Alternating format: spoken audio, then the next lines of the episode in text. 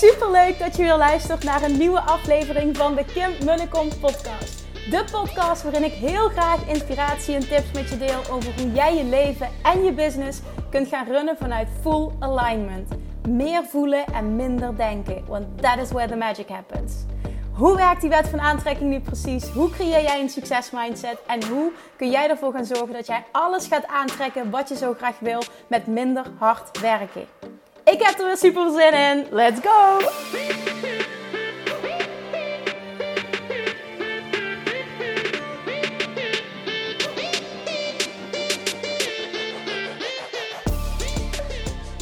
Hey, hey, hey, daar zijn we weer. Dag 4 van de vierdelige reeks investeren in cryptocurrency echte do's en de don'ts en de house vooral. Ik, uh, ik hoop dat je tot dusver genoten hebt. Ik hoop dat je heel veel inzicht hebt gekregen op vooral dat je heel erg geïnspireerd voelt om misschien je hier verder in te verdiepen en bepaalde stappen te gaan zetten. Vandaag de laatste aflevering van deze reeks. En, en uh, er gaan heel veel mooie dingen volgen, want zijn vrienden en ik gaan hier verder ook op doorpakken. Ik heb daar heel veel zin in. Dus word vervolgd, hou het in de gaten. Vandaag als onderwerp, hoe ziet de toekomst van crypto eruit? Hoe ziet de toekomst van NFT's eruit? De metaverse, Web3. Hè? We gaan induiken, we gaan echt naar de toekomst uh, toe. En ik vind het super interessant hoe Axel dit ziet. Ik vroeg hem ook echt, meen je dit? Zie je dit echt gebeuren? En ik weet dat heel veel mensen hierover praten. En ik merk dat ik het soms nog, dat ik denk, oh, het is zo, zo, lijkt zo ver weg. En toch is het dichterbij dan we denken. Nou, waar heb ik het over? Ga lekker luisteren. Als je het nog niet hebt gedaan, jongens, get your ass over to de Blogs app. Download de Blogs app BLOX. En zorg ervoor dat je de code Kim gebruikt. Ik wil zeggen Kim 10, maar het is gewoon Kim. Kim met hoofdletters. Die vul je in door je te identificeren. Vervolgens ga je um, naar uh, verdenken instellingen. Dan voucher en dan voer je Kim in. En dan kun je meteen starten met gratis 10 euro die je krijgt om te investeren. Dat wil Blogs aanbieden om uh, ja, je eigenlijk het gevoel te geven van...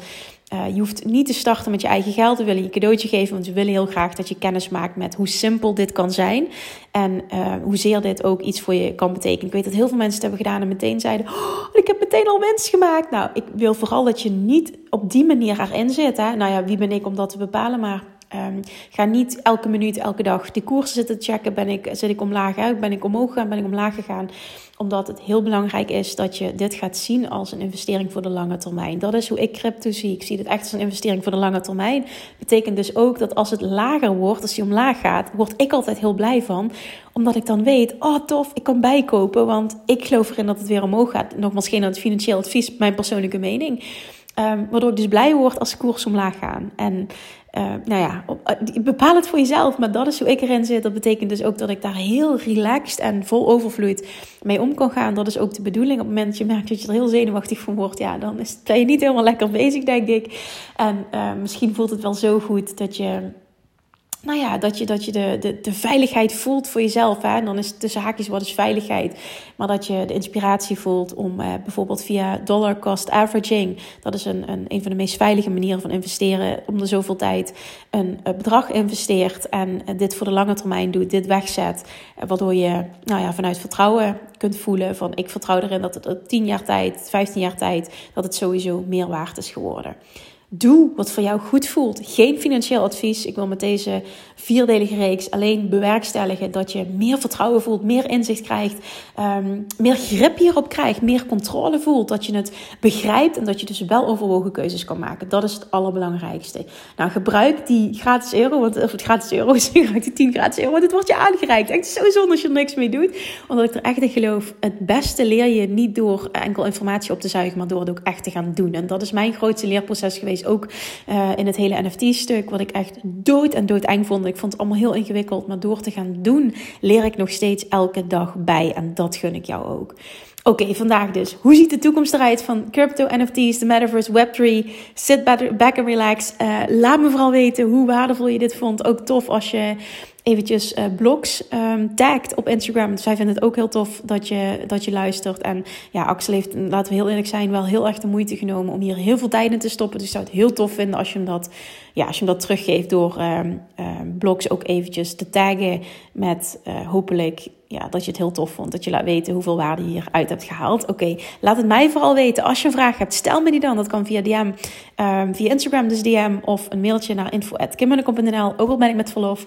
Ik ga proberen om zoveel mogelijk daarop terug te komen. En je weet van mij, als het goed is, als je me langer volgt, dat ik het super tof vind om die berichten te ontvangen. Dus gewoon niet om een berichtje te sturen. Alright, ik ga mijn mond houden. Jij gaat lekker luisteren naar de laatste aflevering. En dan vervolgens hoop ik dat je binnenkort ook uh, de podcast van Sabrina en mij gaat checken. Waarin we hopelijk nog meer waarde kunnen geven. Alright, lekker luisteren. Doei doei!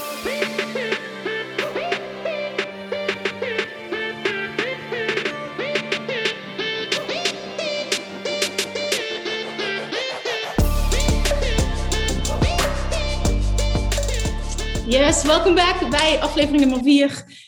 Uh, ik ben hier weer met nummer niemand anders dan, uh, dan, uh, dan Axel. Ja, goed om weer te zijn. nummer ja, 4 inderdaad. Tof dat je er bent. Um, ja, vandaag nummer 4. We hebben zoveel behandeld al. In de eerste aflevering stond centraal hoe start je met investeren. Tweede aflevering, welke munten kies je nu? Wat zijn goede munten om in te investeren? Derde aflevering is investeren in crypto veilig. Waarin we dus ook, denk ik, hele belangrijke thema's hebben benoemd. Vandaag, hoe ziet de toekomst van crypto eruit? Ja, dat is een leuke inderdaad. Dat is natuurlijk. Ja.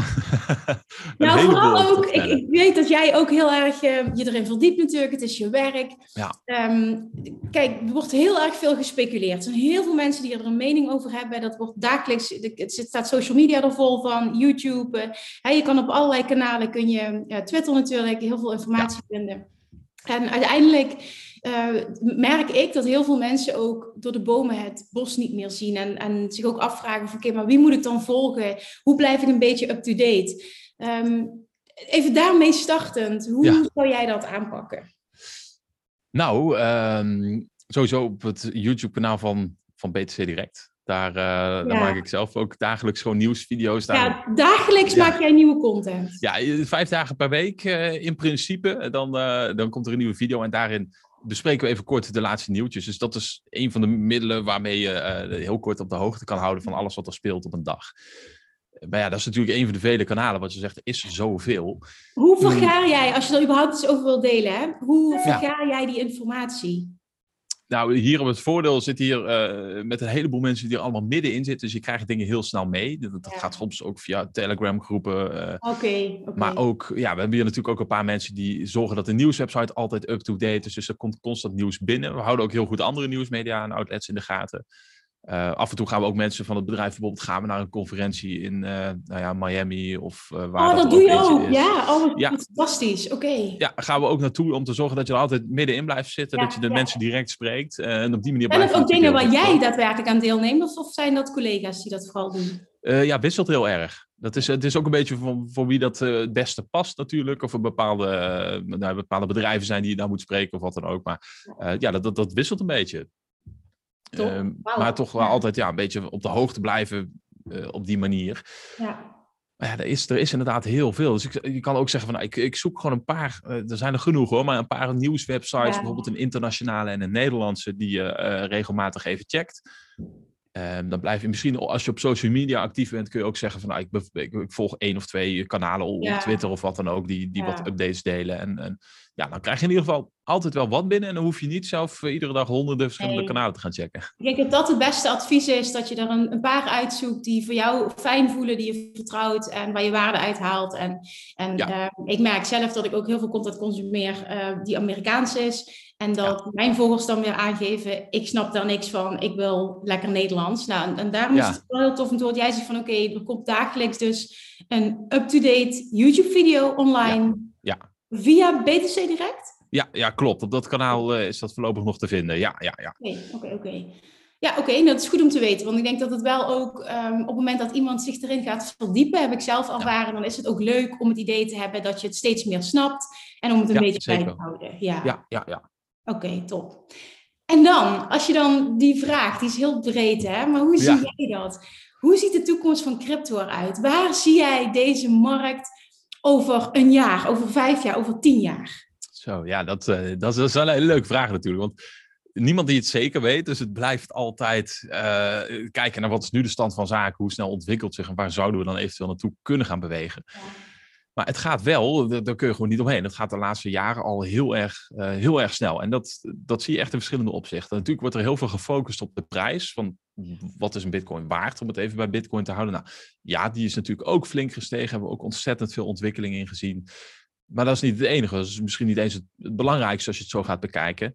Het is allemaal weer een, een soort afgeleide van wat er daaromheen allemaal gebeurd is in die tijd. En uh, dus wat betreft de prijs heb je natuurlijk heel veel gezien, maar dat betekent dus ook dat er daarachter heel veel is, is uh, veranderd. En bijvoorbeeld is dat het in uh, hoe ver het is doorgedrongen in de maatschappij. Steeds meer en meer mensen die, die gaan met crypto aan de slag. Mm daar een grove schatting van kan doen, misschien tussen de 300 en 500 miljoen mensen wereldwijd. Dat, dat loopt een beetje uiteen, maar laten we zeggen, uit zijn ze 2021 gekomen volgens mij op 300 miljoen mensen uit, die, die in ieder geval iets, nou, iets ermee doen. Er zitten natuurlijk lang niet allemaal uh, middenin. Maar in verhouding is dat nog heel weinig, hè? als je bekijkt ja, ja. van de totale wereldbevolking. Ja, want het is tegenwoordig ruim 7 miljard mensen volgens mij. Dus uh, als je dan over 300 miljoen mensen hebt die daar iets mee doen en waarvan er natuurlijk maar een heel klein gedeelte echt wat meer uh, in zit, ja. dan is dat, is dat allemaal nog heel erg klein.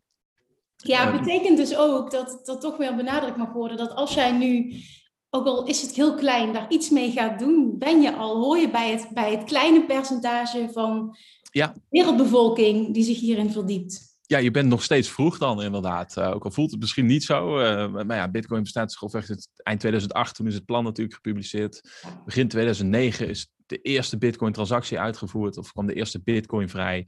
Um, dus ja, het bestaat al wat jaartjes. Maar dat is ook heel lang heel rustig gebleven. En nu, nu ga je echt die versnelling zien. Nu hebben we dus over zo'n 300 miljoen mensen. Maar nog steeds ben je dan, uh, ben je dan hartstikke vroeg het is eigenlijk ook, als je het, als je het veel breder bekijkt, hè, dat is iets wat nu bij mij binnenkomt, dat het, dat, het, dat het zo bijzonder is eigenlijk in de tijd waarin wij nu leven, dat, we, ja. dat, dat het bestaat, dat we naast het hebben van een baan of, of andere inkomsten waar we daadwerkelijk voor werken, dat het bestaat dat, dat we geld verdienen, dat er een inkomstenstroom is. En natuurlijk met ja. risico's, zo bedoel ik het niet, maar als je kijkt naar een, een, een honderd jaar geleden of onze voorouders of onze ouders, het, het is toch anders. De tijd waarin wij leven nu met het internet, met de mogelijkheden, met ja, dit. Wij, het is echt een gouden tijdperk als je het zo bekijkt. Dat realiseerde ik me net. Dat het dat heel bijzonder is, omdat je eigenlijk niet eens een baan hoeft te hebben om een, een, een, ja, een nee, ja, precies. De mogelijkheden zijn, zijn denk ik groter dan ooit. En het is ook toegankelijker dan ooit. Uh, inmiddels in ieder geval hier natuurlijk in Europa. Maar, maar ook goede internettoegang is voor iedereen. Waarbij iedereen een smartphone heeft. Uh, ja, we zijn daar allemaal zo snel opgesprongen. En dat is zo'n groot deel van ons leven geworden dat die mogelijkheden die zijn gewoon bijna eindeloos. Zeker vergelijken met, met een honderd jaar geleden bijvoorbeeld. Ja, dus, ja. het is ehm, goed denk ik om je dat af en toe te realiseren. Dat ondanks dat het misschien ingewikkeld is en dat het risico is. Maar het biedt ook zoveel mogelijkheden die je ook niet had kunnen hebben. En, Precies. En, en, en dat is ook meteen de reden waarom die, uh, als je een paar jaar vooruit zou gaan kijken naar bijvoorbeeld bitcoin. Waarom dat wel eens heel snel zou kunnen gaan. Omdat er uh, zoveel toegang is. Er is zoveel informatie. Mensen die zijn er zo in thuis tegenwoordig. In, in, in ieder geval een stukje eh, daarvan. We kunnen heel veel informatie onderling uitwisselen in ieder geval. Daarom kan dat ook echt heel snel gaan. Dus als je nu over 300 miljoen mensen hebt die er nou ja, iets van weten of iets mee doen überhaupt. Op, op kleine schaal.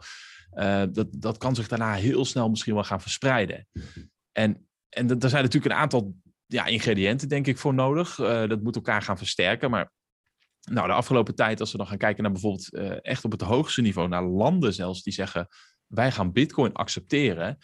Dat is natuurlijk weer een, een hele, hele vette stap daarin, die echt de goede richting op gaat. Leg dat eens uit. Wij gaan Bitcoin accepteren als. Nou, vorig jaar is dat bijvoorbeeld gebeurd in El Salvador. Natuurlijk een uh, klein land, staat ook niet per se bekend als, als heel veilig. En, en, daar is ook lang niet alles even goed geregeld. Dat houdt ook in dat een groot gedeelte van de, van de inwoners van El Salvador heeft bijvoorbeeld helemaal geen toegang tot een bankrekening. Die staan gewoon eigenlijk buiten, compleet buiten het financiële systeem.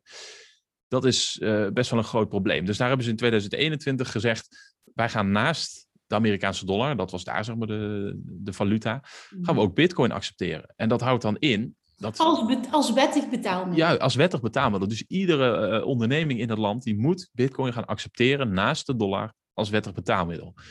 En dat is natuurlijk ja, als je daar even goed over na gaat denken, is dat, is dat echt insane. Dat zo'n land dat gewoon zegt van wij gaan dit, uh, wij gaan dit doen. En dat hebben ze dus ook gedaan. En uh, vervolgens hebben ze ook een eigen wallet ontwikkeld. de, de, inwoners van het land, die in ieder geval boven de 18 jaar waren, die hebben een heel klein stukje bitcoin gekregen. Ter waarde van, volgens mij was dat toen 30 dollar ongeveer. Zo van, nou, dan kunnen jullie er allemaal mee aan de slag. En in een paar maanden tijd hebben ze daar dus op die manier meer mensen kunnen aansluiten op het financiële systeem dan dat alle banken en, en centrale banken van het land in de 40 jaar daarvoor uh, voor elkaar hebben gekregen.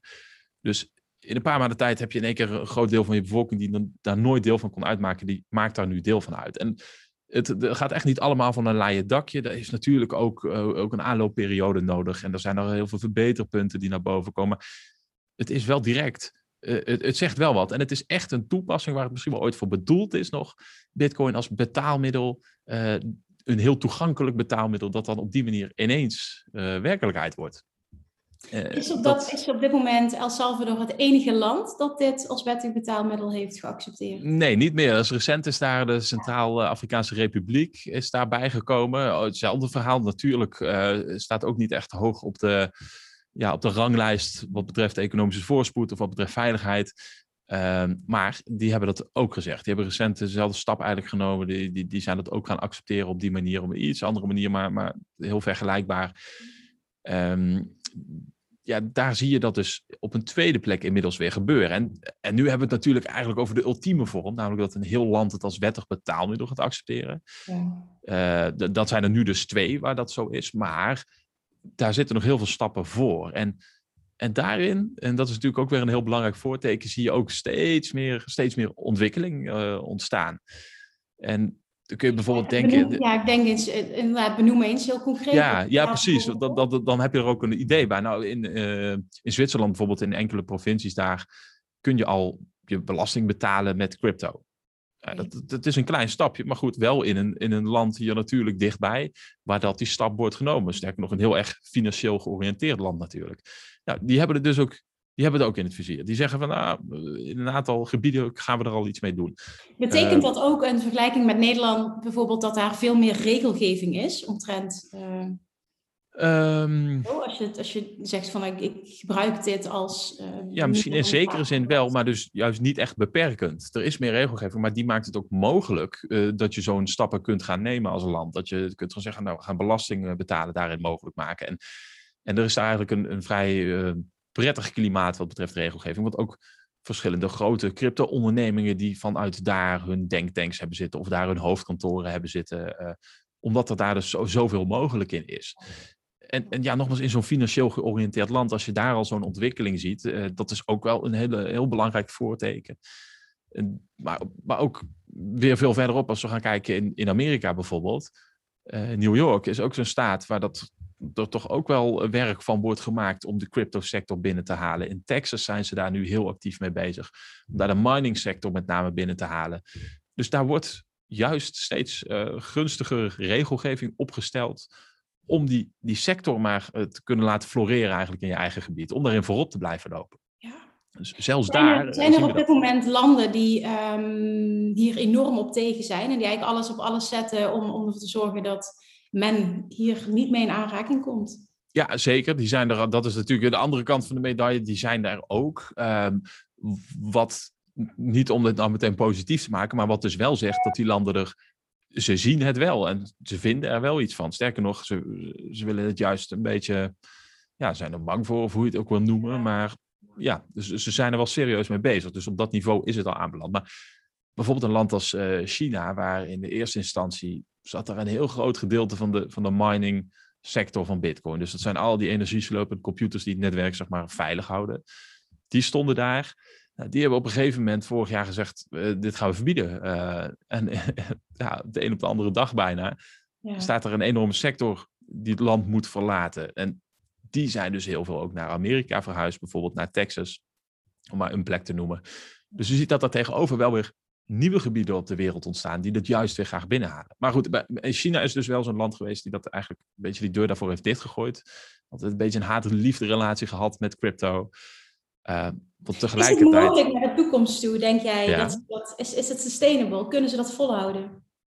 Ja, dat is, dat is het moeilijke. Want het systeem zelf kun je niet verbieden. Je kan het wel moeilijker maken. Je zou bepaalde bedrijven die erin actief zijn kunnen verbieden. Maar, maar Bitcoin zelf als betaalmiddel, als je gewoon zo'n app downloadt en je gaat daarmee je zorgt dat je bitcoin hebt, dat is dan het moeilijkere om daar aan te komen. Als je iemand dat naar je toe zit, dan heb je dat en dan kun je daarmee verder gaan.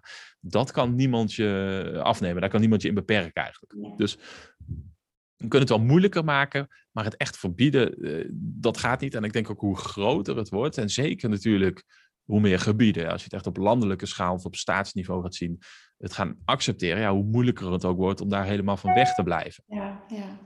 Ja, ja, zeker ook als zoveel landen het misschien gaan aannemen, adopteren als, als wettig, wettig betaalmiddel. Ja, dat, dat is dan echt de, bovenste stap natuurlijk. En, en daaronder had je dan nou, dat, je, dat je zo wat, wat staten of gebieden zet die er iets mee doen. Maar daaronder heb je natuurlijk bedrijven. Van, uh, dat is misschien voor de gemiddelde consument en voor, voor jou en mij belangrijk. Wat kan ik daar zelf direct mee?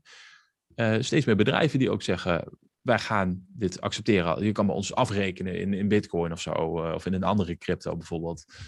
Um, niet de minste bedrijven. Ook, net toevallig zag ik dat, dat Gucci het ook uh, deze maand nog wil gaan accepteren als betaalmiddel verschillende cryptocurrencies.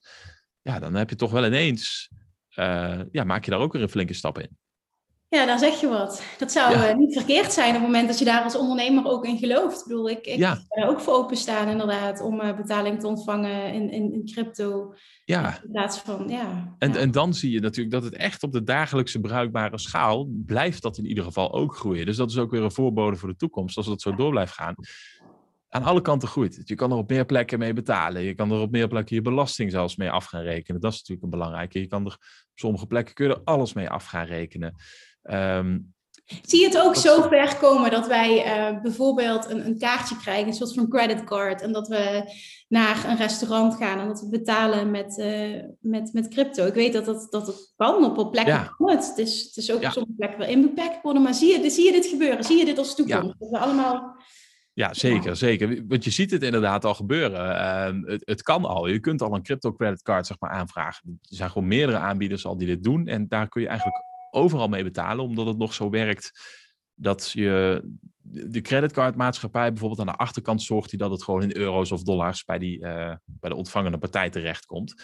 Maar jij kan het wel als crypto op jouw balans hebben staan, kun je overal uitgeven en zij zetten dat direct om naar euro's en geven dat dan bijvoorbeeld aan de accepterende partij. Dat is een soort tussenstap, maar dat kan al overal dus, waar dat je met een creditcard kunt betalen. Um, daar krijg je ook heel vaak voordeel. Dat betekent ook in Nederland dat wij dat, uh, dat als Nederlander kunnen we dit aanvragen als we zouden willen. Ja, zeker. Dat, dat, kan, je, dat kun je nu doen. Uh, dat kan direct geregeld worden. Dus, en, en, die markt groeit ook heel erg. En, en dat zijn eigenlijk nog met de tussenstap, omdat ze het wel omzetten naar euro's die ze vervolgens aan het bedrijf geven. Maar er zijn ook al bedrijven die zeggen, ja, ik wil het best in crypto gaan ontvangen. En dan krijg je natuurlijk de ultieme stap dat echt de hele transactie uh, in crypto gaat plaatsvinden. Ja. En uh, dat is misschien nog een, iets anders waar dat je niet zo snel bij stilstaat. Maar stel je bent een ondernemer en je accepteert creditcards. Dan gaat zo'n betaling gaat heel snel. Uh, dat, heb je, dat heb je redelijk snel binnen. Maar vervolgens heb je wel vaak nog 50, 60 dagen onzekerheid. Omdat het teruggeboekt kan worden bijvoorbeeld. Dus als je het zo gaat bekijken, is een creditcardbetaling eigenlijk pas na uh, uh, één of twee maanden definitief. Ja. En daartussen zitten heel veel schakels. En een Bitcoin-transactie bijvoorbeeld is in 10 minuten, maximaal 10 minuten eigenlijk, helemaal definitief. En, en tegenwoordig gaat dat vaak ook al uh, sneller dat je hem als definitief kunt zien. Ja. Maar en dan is alles afgerond. Dan hoef je niet meer bang te zijn. Dus ook voor die accepterende partij uh, biedt het best wel veel voordelen. Uh, ook een administratief opzicht kan het voordelen bieden. Maar het is ook zo, als je het zo gaat bekijken, ja, het is gewoon direct definitief. En dat is bij heel veel betaalsystemen daar heb je helemaal niet in de gaten, maar is dat helemaal niet zo? Nee.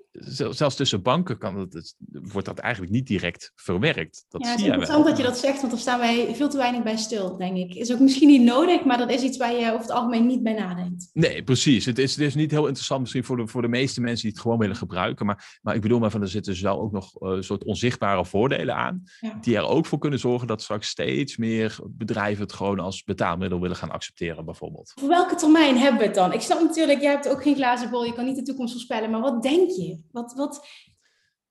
Ja, nou, als je nu gaat kijken naar het nieuws, dan, dan zie je dat er bijna nou, om de dag, dan is er wel weer een partij die, die dat doet, die iets accepteert of die er ja. iets mee wil gaan doen.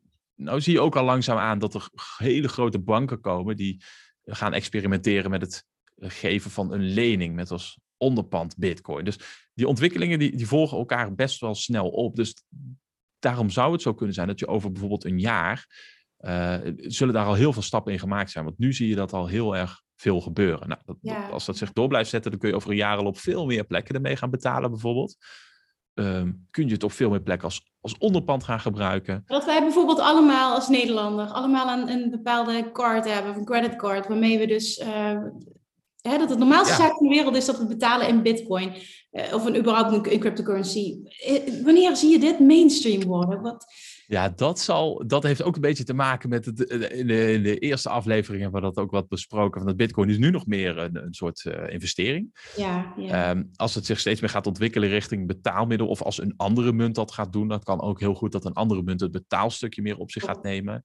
Uh, ja, dan, dan kan dat best wel snel gaan. En dat is daar ook een beetje van, van afhankelijk. Maar stel, stel dat we nu tien jaar vooruit kijken, dan, dan denk ik dat er echt al, al heel veel meer mogelijkheden in zijn. Dat, dat verwacht ik dan wel, ja.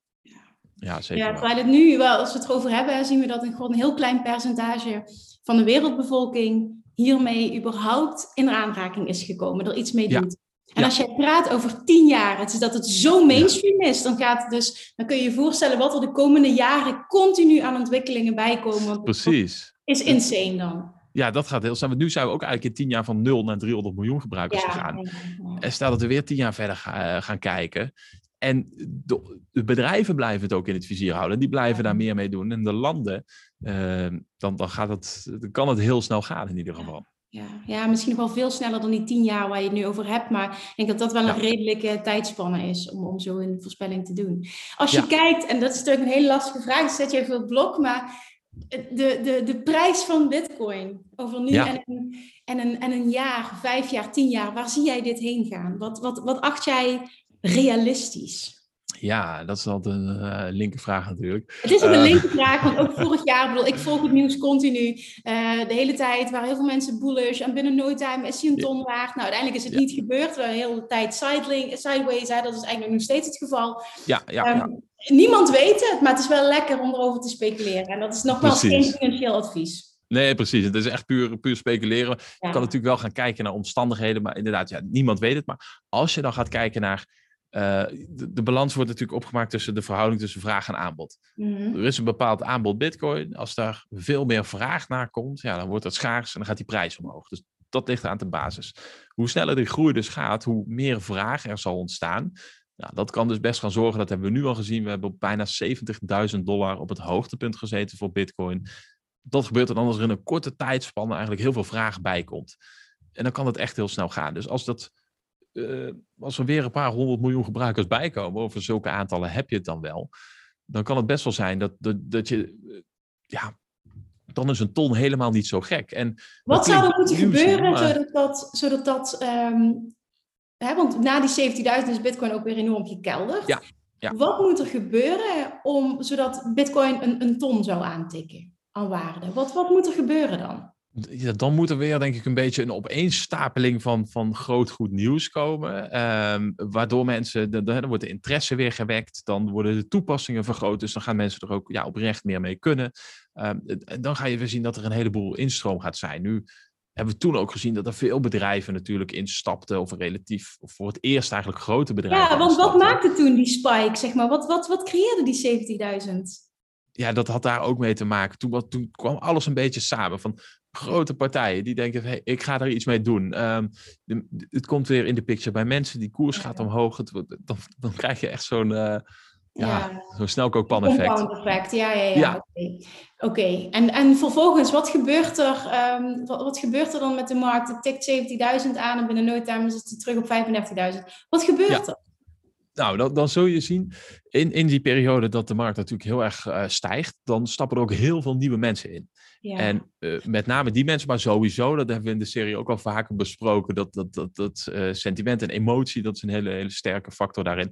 Maar met name die nieuwe mensen, die stappen in, die zien dat alleen maar dingen omhoog gaan. Ja. En ineens, ineens verandert dat. In één, keer, in één keer zakt het terug. En dan slaat al heel snel de paniek toe. En dan gaan mensen verkopen. Precies, en wat, wat je ook nog wel eens in die, al die euforie daaraan vooraf gaat ziet, dat mensen bijvoorbeeld hele gekke dingen gaan doen. Die gaan een lening afsluiten of een nieuwe hypotheek om, om bitcoin te kopen. En ja, natuurlijk in alle gevallen af te raden om dat zo te doen. Maar, en dan, ja, dan krijg je het uh, snel benauwd als natuurlijk die prijs een beetje begint te kelderen. Nou, dan krijg je weer wat, wat paniekverkoop. Um, En dat beïnvloedt die markt dan weer net zo erg als in die tijd dat het omhoog gaat, maar dan naar beneden toe. Wat je dan wel ziet, gelukkig, is dat die veel hoger weer stopt. Dat die veel hoger weer een bodem aantikt. We hebben we natuurlijk 70 gezien, nou, dan halveren we bijna. We zitten nu rond de, rond de 40, denk ik, in dollars dan, 40.000. Ja, dat is flink lager, maar uh, een paar maanden daarvoor was, was 10.000 dollar vonden mensen al extreem veel. Precies. Dus, ja. dus je ziet dan wel, er blijven toch een hoop mensen, die stappen er een heleboel uit natuurlijk. Daardoor zakt het weer en dat, dat slaat wat paniek toe. Ja, dus eigenlijk zeg je, de bodem wordt wel steeds hoger. Ja, die bodem wordt steeds hoger. En dat, dat is eigenlijk, als je nu naar de hele geschiedenis gaat kijken van crypto, van bitcoin dan ook, om daarmee even bij te houden, dan, dan zie je dat constant gebeuren. Een piekje, zakken terug, nieuwe bodem. En dat zorgt er dus voor dat we de hele tijd op een iets hoger niveau weer, weer comfortabel zijn. De markt is weer wat gegroeid, volwassener geworden. En als je die lijn ook zou gaan voortzetten, dan is uh, een ton helemaal niet zo gek. Want wat ik net zo zei, niet zo lang geleden was 10.000 dollar vonden mensen al extreem veel. En een jaar daarvoor was dat helemaal ondenkbaar. En nu is weer 40.000 dollar al laag. Dus, maar, maar zeg je dan ook van, het zou dit jaar, het zou kunnen dat we de, de ton aantikken? puur the theoretisch gezien, als je gaat kijken hoe snel dat in het verleden wel eens is gegaan, dan kan dat zeker. Uh, dan moet er natuurlijk wel alles meewerken. Nou is de hele economie uh, wereldwijd, uh, economische factoren zijn onzeker. Er speelt een heleboel ja. corona achter de rug, inflatiecijfers. Dus uh, in sommige opzichten spreekt dat voor het, maar in sommige opzichten spreekt dat er ook tegen. Dus dat, misschien zijn de omstandigheden niet optimaal nu al uh, om die groei te verwachten. Maar als je echt gaat kijken naar de theorie, natuurlijk, uh, je kent wel in het verleden bepaalde resultaten bieden geen garantie voor de toekomst. Dus je weet het niet, maar dan kan het. Die groeipercentages ja, ja, hebben we al meerdere malen gezien.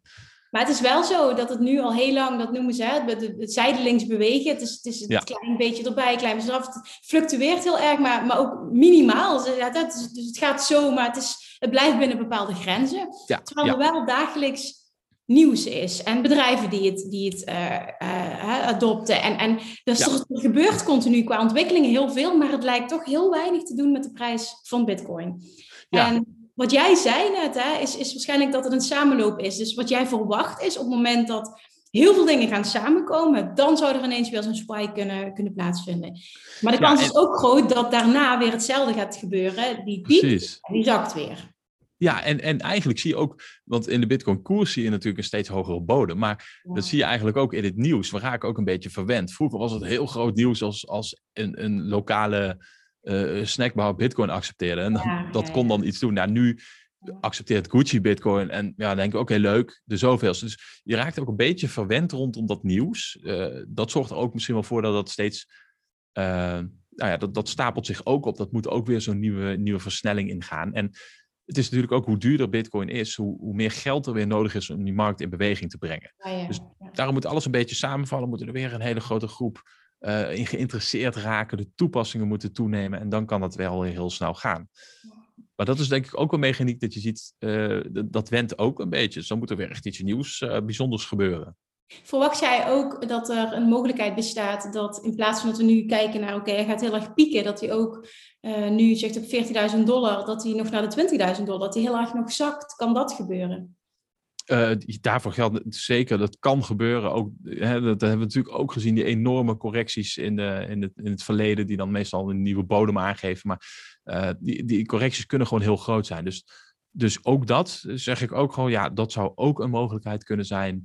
Um, nou verwacht ik dat zelf ik ook niet dat hij, dat hij dan op een ton staat, maar ook zeker niet dat hij naar 20.000 gaat, omdat er wel weer zoveel uh, nieuwe partijen in zijn gekomen. En, en ook grote partijen. En er zit op een andere manier geld in, op een grotere manier, waardoor die beweging naar beneden misschien uh, ja, iets minder snel echt tot in de extreme gaat. Ja, je zag het bijvoorbeeld ook hè, de dag dat de oorlog uitbrak tussen Rusland en Oekraïne. Uh, verwachting was, ze gaat dippen, maar heel snel herstelt de markt zich ook weer.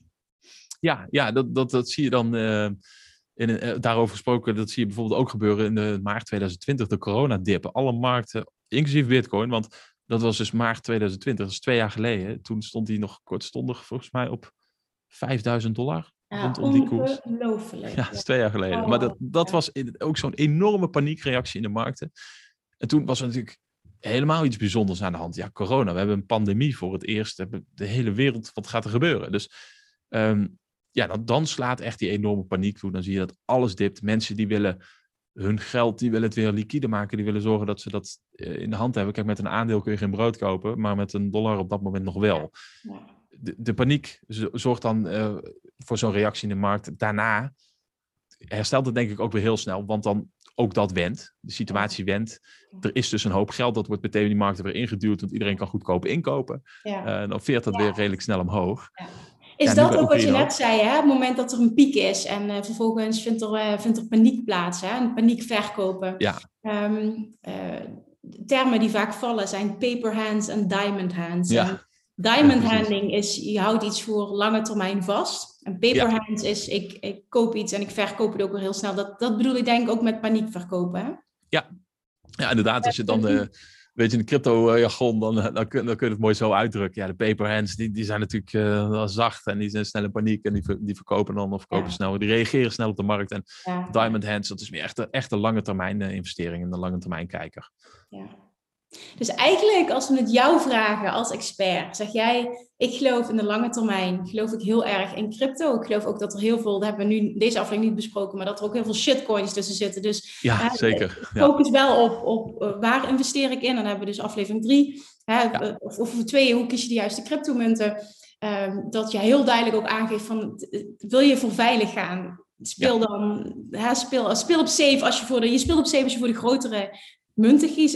Eén is Bitcoin, twee is uh, Ether. Ja. Um, Maar in de kern, als je het uh, even uh, vanuit een macro-perspectief bekijkt, zeg je nou, geen kans eigenlijk, ook heb je nooit 100% zekerheid, dat dit nog ooit weggaat. Dus ja. toekomst is positief, dat kunnen we concluderen ja, de ontwikkelingen die gaan razendsnel. Dat lijkt er ook voorlopig nog op dat het zo blijft gaan. Dus uh, toepassingen blijven toenemen, bekendheid blijft toenemen. Dus ik zie het zeker niet meer weggaan. Nee, nee, nee, nee. Wat is de limiet qua prijs? Wat is de limiet voor één bitcoin? Wat, wat, wat, wat kan die aantikken? Wat, wat, wat, wat, wat zie je als de top, de ultieme top? Ja, dat, dat, dat zijn dus al de berekeningen over gehad. Uh, ook kort aangehaald vorige keer als je gaat kijken naar de hele wereldbevolking, hoeveel mensen zijn er op de wereld, hoeveel geld is er eigenlijk op de wereld en wat nou als dat allemaal zou overgaan op een Bitcoin standaard. Ja. Uh, dan zou je het hebben over prijzen nog steeds een enorme range, maar van, van 1 tot 10 miljoen euro of dollar uh, per stuk, waar dat dan over wordt gesproken. Hoe realistisch is dit? Uh, dat is denk ik niet realistisch, dat we 10 miljoen dollar per stuk zomaar eventjes gaan aantikken. Uh, want dat zou dus echt betekenen dat de hele economie wereldwijd, alle facetten daarvan, moeten overgaan op een Bitcoin standaard. Um, en dat, is, uh, dat zou dan hele, uh, hele verre toekomstmuziek zijn, denk ik.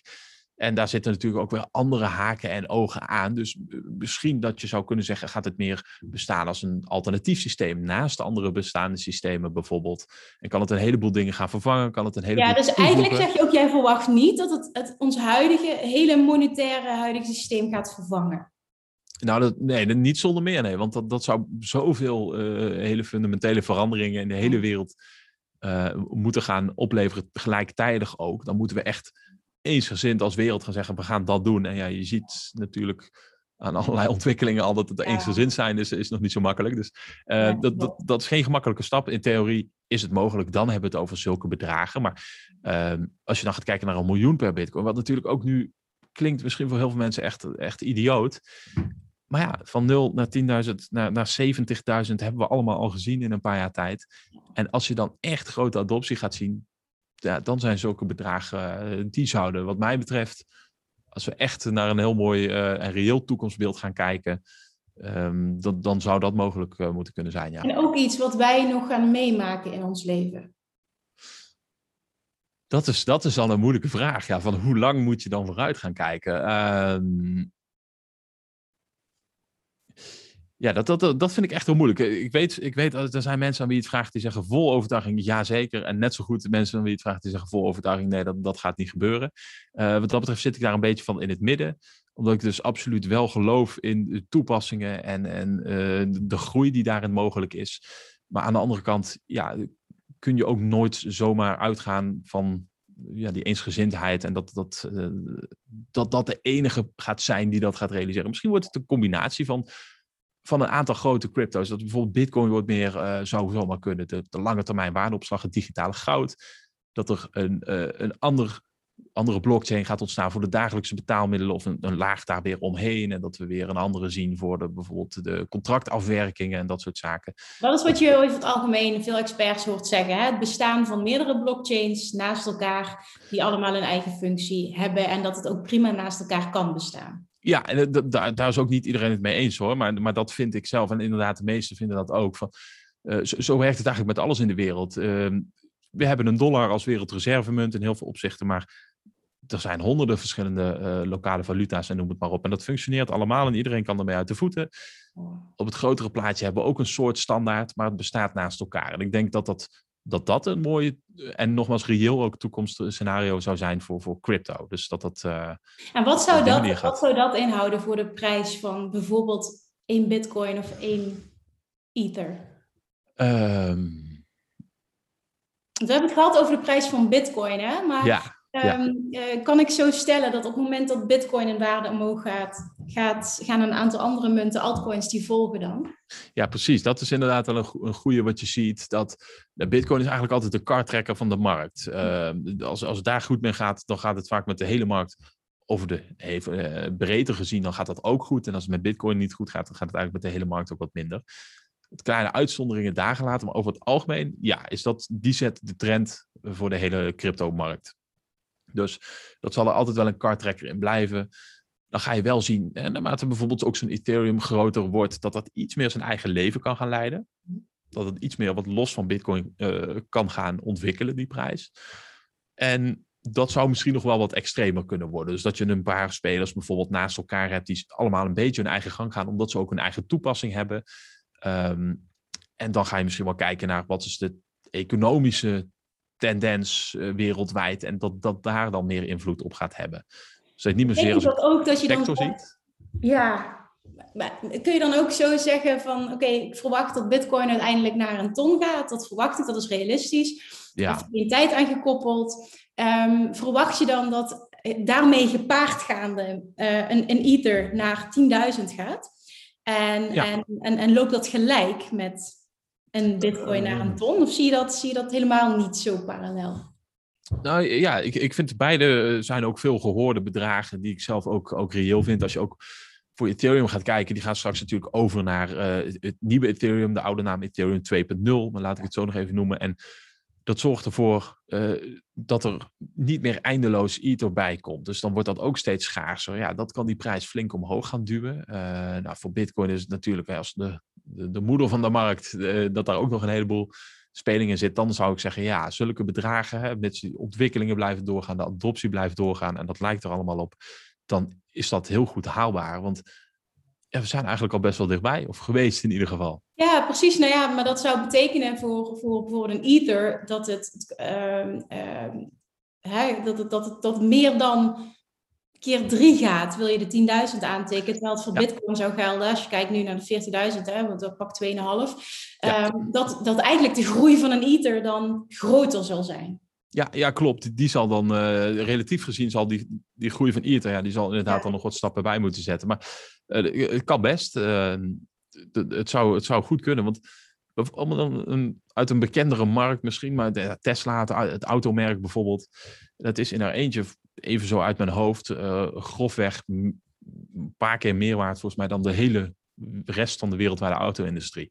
Okay. Dat, dat slaat in bepaald opzicht uh, nergens op, maar aan de andere kant wel. Het is natuurlijk de grootste, misschien wel meest innoverende auto-ontwikkelaar op dit moment, die dus zoveel vernieuwt en waarde toevoegt, dat de waarde van zo'n heel bedrijf veel meer wordt. Terwijl die andere uh, autofabrikanten ja, uh, een veel groter deel van de markt eigenlijk bedienen.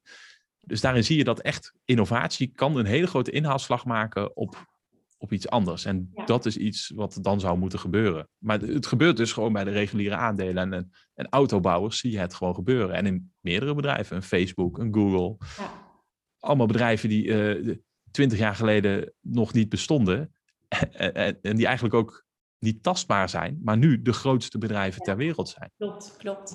Betekent dat dan ook, even daarop doorpakken, dat het misschien een slimmere investering is om te investeren in Ether, als je kijkt naar die upside op de korte termijn, dan in Bitcoin? Kun je die conclusie trekken? Nee, dat, ja, dat vind ik een moeilijke. Dat, dat, zou ik niet zo zwart-wit durven zeggen eigenlijk. Ehm, ik denk dat er voor beide, eh, ook omdat ze natuurlijk een ander stuk markt bedienen, ze hebben een andere inslag, ze hebben een ander idee, een ander achterliggend idee, uh, dat er voor beide heel veel groeiruimte is. Maar ik zou zo niet durven zeggen of dat dan de een of de ander, um, ja, misschien echt op de korte termijn gekeken, dat inderdaad Ether wat meer grote veranderingen op stapel heeft staan, dat dat daar misschien wel een korte termijn wat grotere impact op kan gaan maken. Kun je je ook voorstellen dat, het, uh, dat het gelanceerd wordt en dat het flopt of dat er van alles fout gaat, waardoor het ook op korte termijn heel erg kan instorten, de waarde? Ja, dat is een mooie, uh, dat is een goede vraag. Ja, want uh, eigenlijk niet, want ehm, er zal echt wel, er blijven altijd dingetjes die beter kunnen, maar ze zijn al jaren bezig met het ontwikkelen van die update. Die is ook al een paar jaar opgeschoven. Dat was veel eerder al de bedoeling. Daar worden heel veel testen mee gedaan. Daar, wordt zo grootschalig en diepgaand op getest.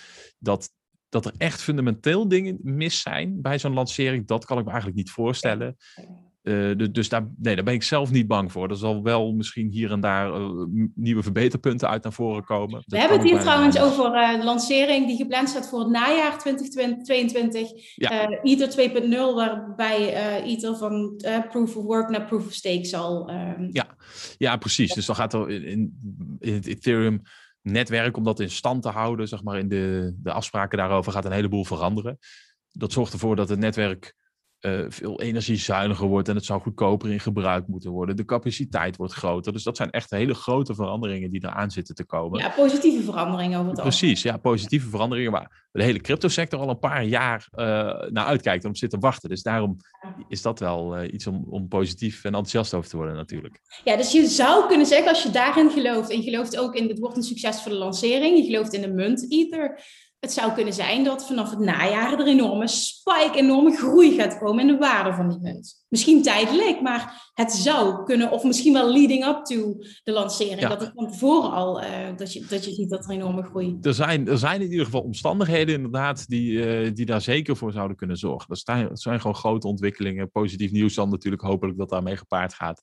Ja, uh, ja dat, dat zijn goede omstandigheden om, om weer even een, een, een mooie, mooie groei in die prijs te zien bijvoorbeeld. Ja. Maar goed, ook dat is allemaal speculatie, want niemand weet dit. Dat is ook zo. Er zijn zoveel experts die roepen dat ze het weten, maar niemand weet het uiteindelijk. Dus dat, dat moet je altijd realiseren, niemand weet het. En nee. voor iedere mening is iemand te vinden. Iemand die vindt dat het helemaal niks gaat worden, die zijn er genoeg. Iemand die vindt dat het de wereld gaat overnemen, die zijn er genoeg. En alles ertussenin. Dus um, laat je ook niet, niet gek maken in die zin nee. door door gouden bergen of, of uh, diepe dalen die worden beloofd. En, en blijf altijd zelf nadenken en kijk goed naar wat er gebeurt. Ja.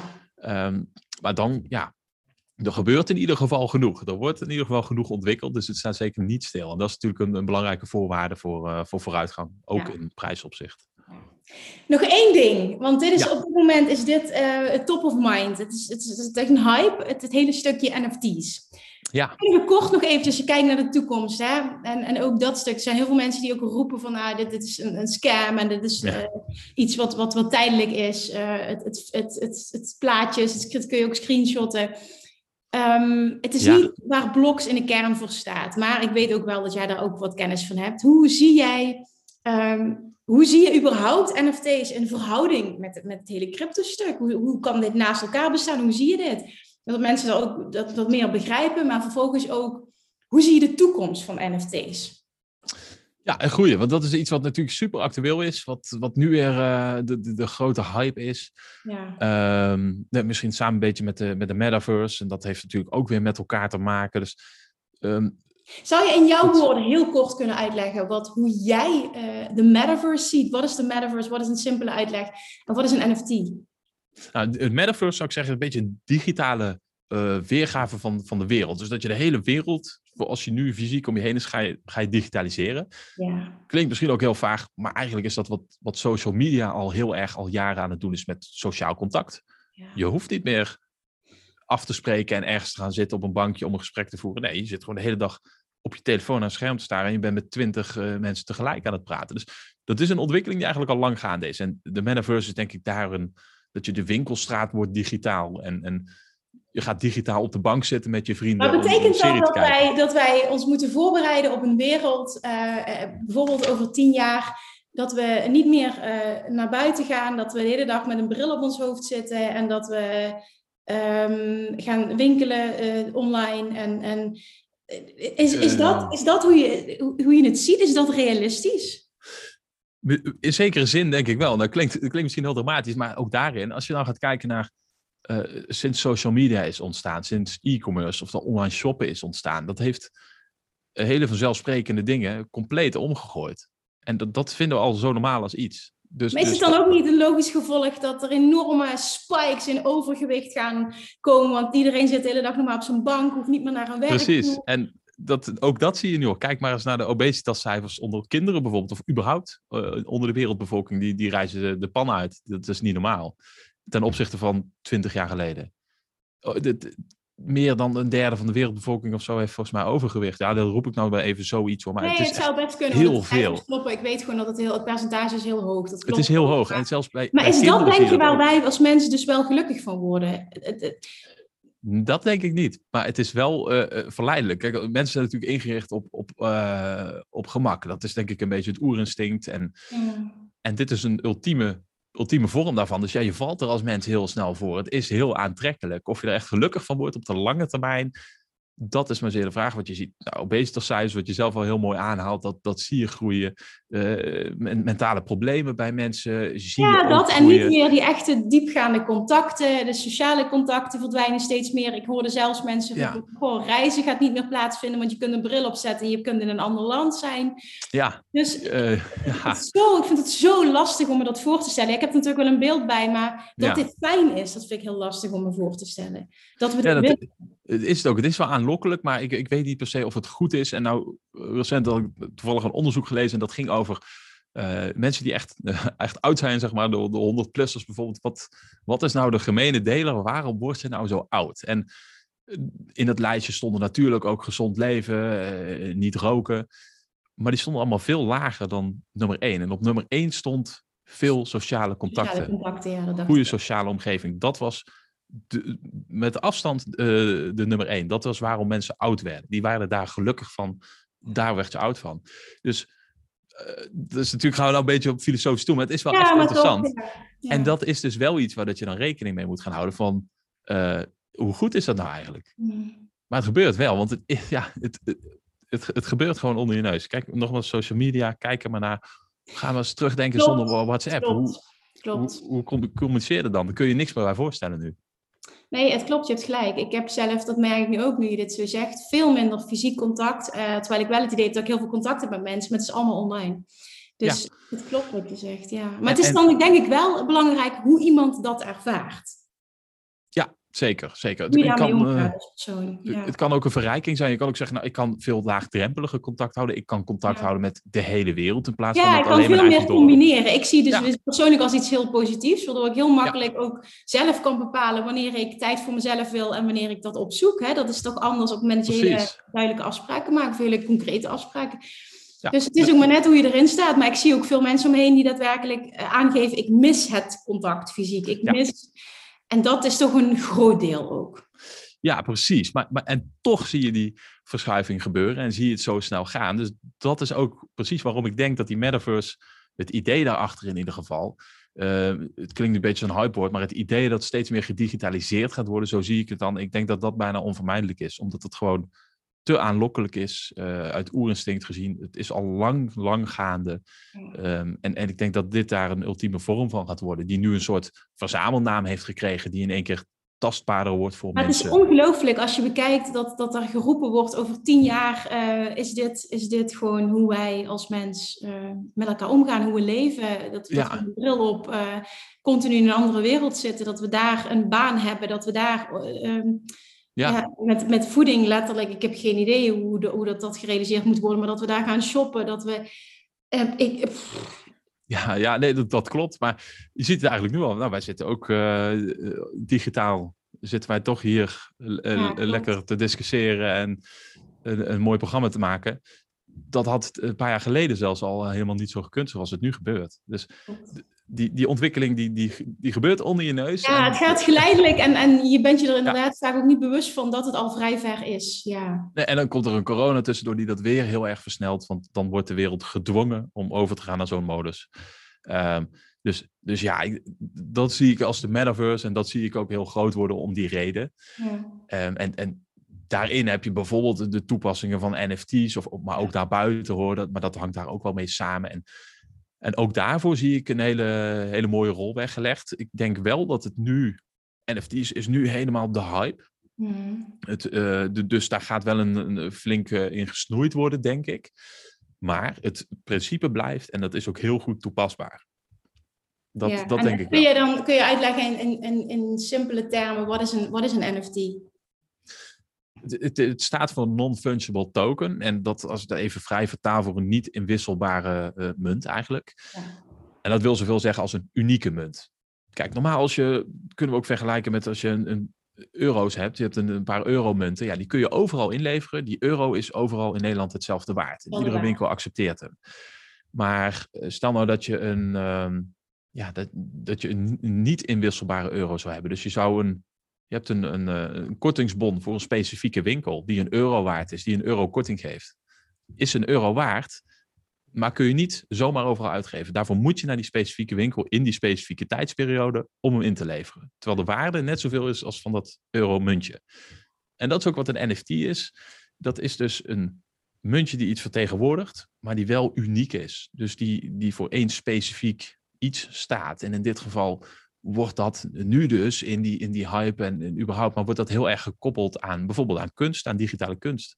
Kun je daar, ja, dan kun je mee laten zien dat jij de eigenaar bent van een stuk uh, kunst. Want het is een munt, je kan hem gewoon over het netwerk versturen, je kan hem naar iedereen toesturen. Dus in die zin is het die inwisselbare euro, maar hij is wel uniek. Dus alleen jij bent op dat moment, want jij hebt hem op jouw adres staan, dat unieke muntje.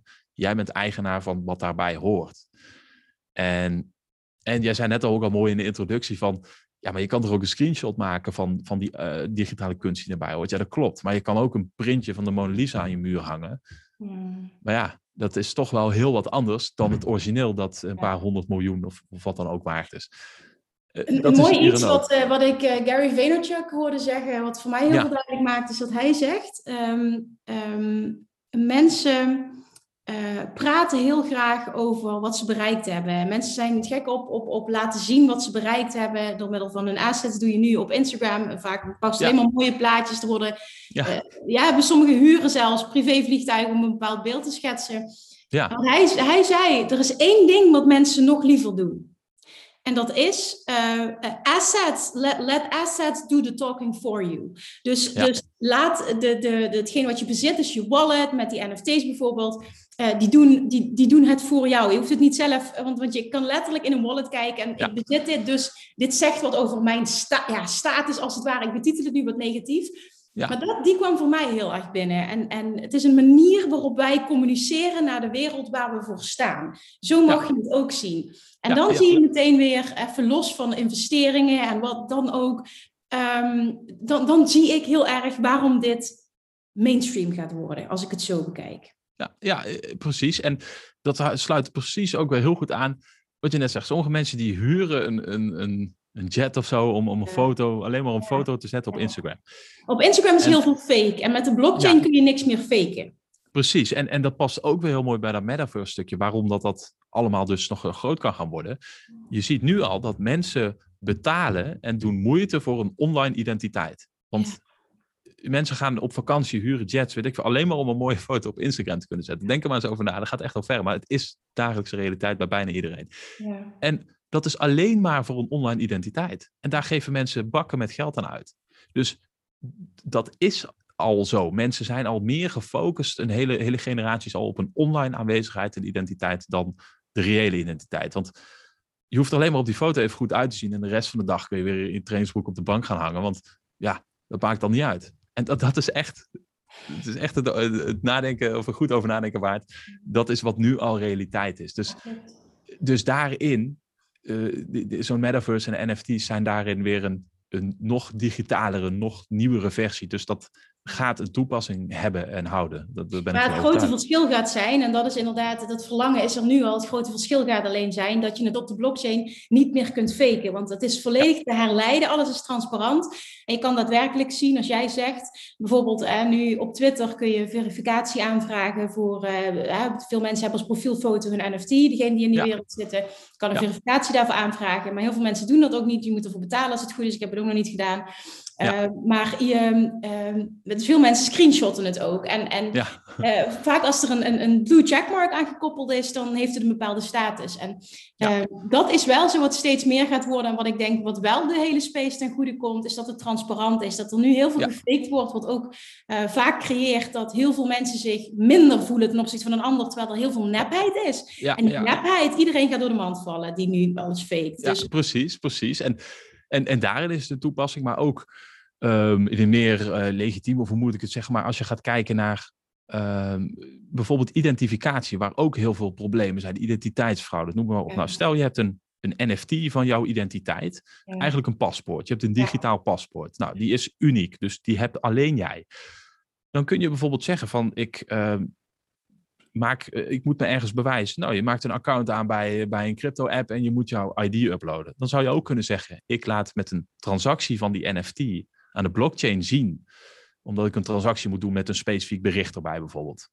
Nou, dan laat je een blockchain zien, ik ben eigenaar van deze NFT, van deze digitale identiteit, want ik kan hem versturen. Ja. Uh, dus op die manier kun je identiteit verifiëren en is daar fraude ook niet meer in mogelijk. maar dan, gaat, NFT. dan gaat NFT veel verder dan gekoppeld zijn aan digitale kunst. Hè? Dan hebben we het echt over toepassingen, ja. utilities. Ja, dan ga, je, dan ga je identiteit er eigenlijk aan koppelen. Maar dat is ook, zover kan dat wel echt gaan. En zover gaat het op termijn denk ik ook.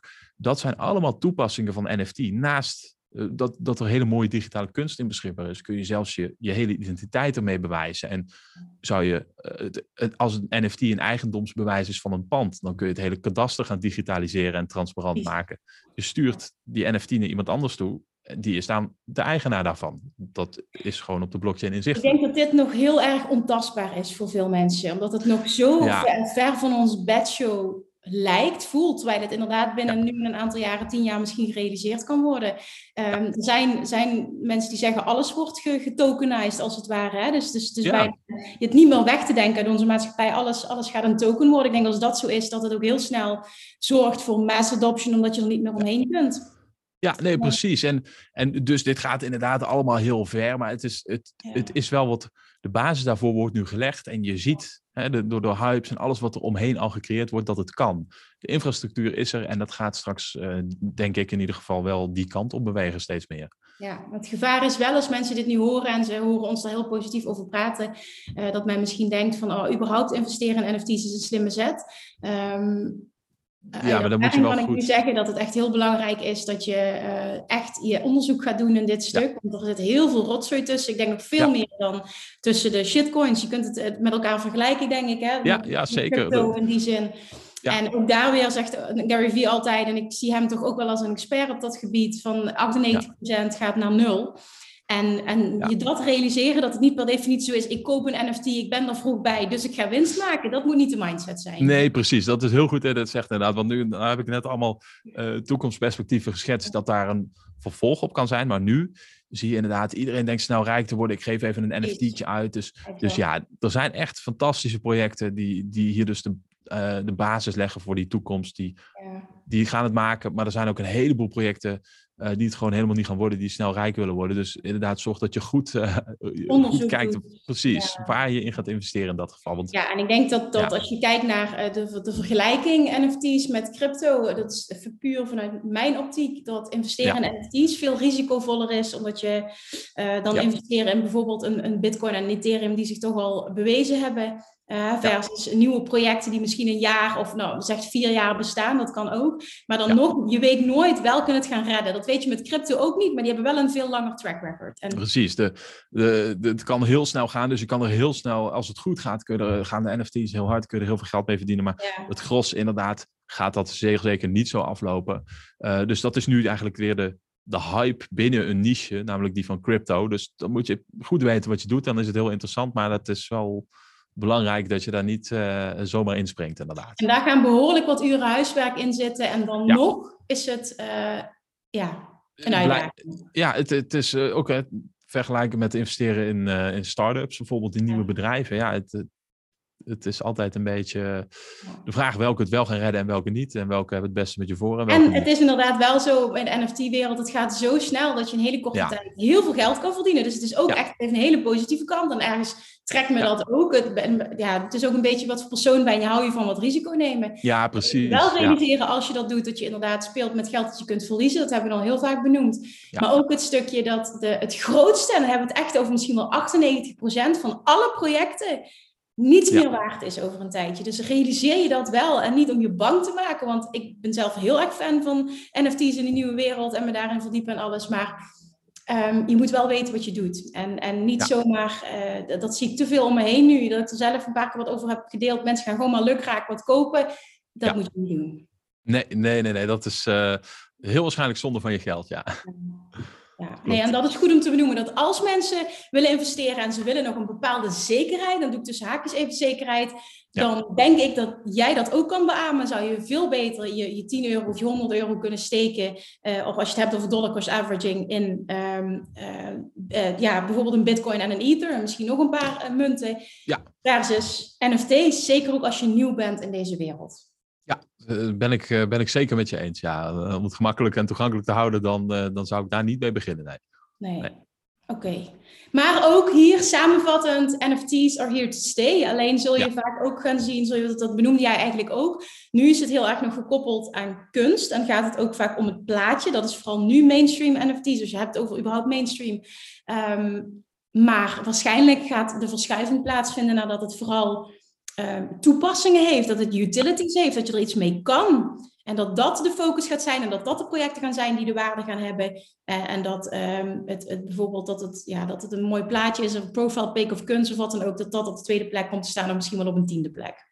Ja, ja dat, dat, denk ik ook. Dat, dat, zal, eh, dat zal zich verder gaan ontwikkelen. En dat, er blijft echt wel een, een mooie markt voor digitale kunst, maar uh, niet zo groot als dat die nu is gemaakt. Omdat er dus nu heel veel uh, projecten zijn die het, uh, die het misschien niet gaan redden daarin. Ja. En er zit natuurlijk een groot verschil ook tussen echte kunstenaars die hun kunst op die manier uitbrengen en iemand die uh, via een computerprogramma een collectie van 10.000 plaatjes ontwikkelt en het gewoon ja. ja. Ja, precies, precies. En, en dan heb je bij kunst natuurlijk ook nog een beetje dat er een, ja, als je gaat kijken naar de CryptoPunks, die zijn bijvoorbeeld eigenlijk een beetje de eerste grote NFT's kunstserie die er is geweest ja, die zijn goud geld waard. Uh, er zijn 32 bij 32 pixels, denk ik. Dus het is, ja, het is, het is niet per se mooi, maar het is hele bijzondere kunst. Ze waren de eerste, ze hebben een trend gezet. Kijk, dat is ook, ook wat waard natuurlijk. Uh, dat is in die zin, ja, dan toch ook wel weer echte kunst. En uh, dat is wat minder tastbaar daarin, dus dat maakt nee, het nog wel moeilijk. Zo. Ik waardeer dat ook heel erg als ja. zijn de, de status die ze hebben. Maar als je puur kijkt naar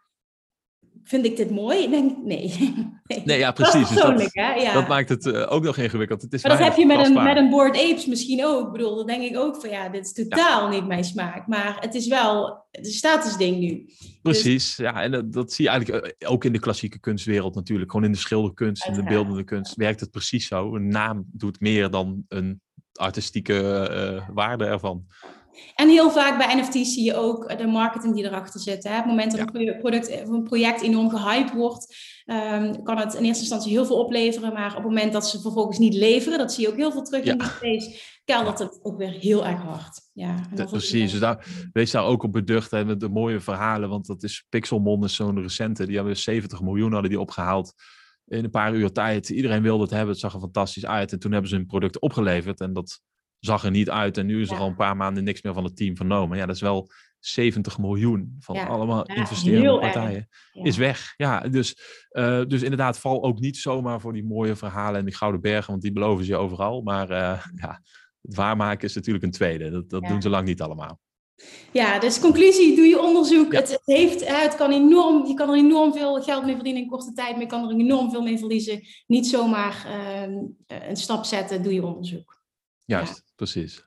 Samenvattend. Ja. Ben jij positief over alles wat met crypto te maken heeft? Als je kijkt, tien jaar vooruit gaat kijken, dan zeg jij, ja, ik geloof hierin. Ik geloof dat het alleen maar minder waard wordt. Het, het, het is bijna geen optie dat het uh, ja, de andere kant op gaat dan dat, dan positief. Ja, absoluut. Zo, zo sta ik erin. De versnellingen die gaan alleen maar harder. De ontwikkelingen die zijn er. Uh, de, de toepassingen worden steeds groter. Uh, meer mensen horen ervan, meer mensen vinden het interessant. Het betekent voor meer mensen iets. Dus ik zie daar een hele mooie toekomst voor weggelegd. Ja, ja. ja en is de vraag inderdaad, hoezeer vertrouw je Axel? Wil je bepaalde keuzes daarop baseren? Maar het is toch wel lekker om het van, hè, doe ik weer even zo, om het van een expert uh, te horen. En toch de bevestiging te krijgen van, goh, ik geloof erin. Dat is gewoon zo. Ja. ja. ja. Oké, dan gaan we afronden, denk ik. Dit is heel waardevol. Het was ook heel uitgebreid. Dus ontzettend dankjewel voor je tijd, je inzichten. Ja, erg leuk om, uh, om dit zo te kunnen delen en er zo over te kunnen sparren ook. Heel erg leuk. Ja, dankjewel. Als er vragen zijn, dan horen wij het heel erg graag. Mocht je dit tof vinden, laat ons dit ook weten. Hè. Deel het op social media, tag ons. Uh, ik zou het tof vinden inderdaad als je ook wat achterlaat in de comments. En um, ja, wie weet wordt dit ooit nog een keer vervolgd. Het is een, uh, een soort van uitprobeersel. Ik denk heel waardevol voor heel veel mensen. Ik hoop dat er uh, nou ja, heel veel moois uit voortkomt. Dus dankjewel. Nou, jij bedankt. Lievertjes, dankjewel weer voor het luisteren. Nou, mocht je deze aflevering interessant hebben gevonden, dan alsjeblieft maak even een screenshot en tag me op Instagram. Of in je stories, of gewoon in je feed. Daarmee inspireer je anderen en ik vind het zo ontzettend leuk om te zien wie er luistert. En nog één dingetje. Voor alle gratis content die ik aanbied, zou je alsjeblieft één dingetje terug willen doen. En dat is, ga naar iTunes, zoek de podcast op, scroll even naar beneden en laat een korte review achter. Hoeveel meer reviews namelijk, hoeveel beter de podcast gevonden wordt in iTunes. En hoeveel meer mensen ik kan bereiken met mijn boodschap. Super, super dankjewel alvast. En tot de volgende keer.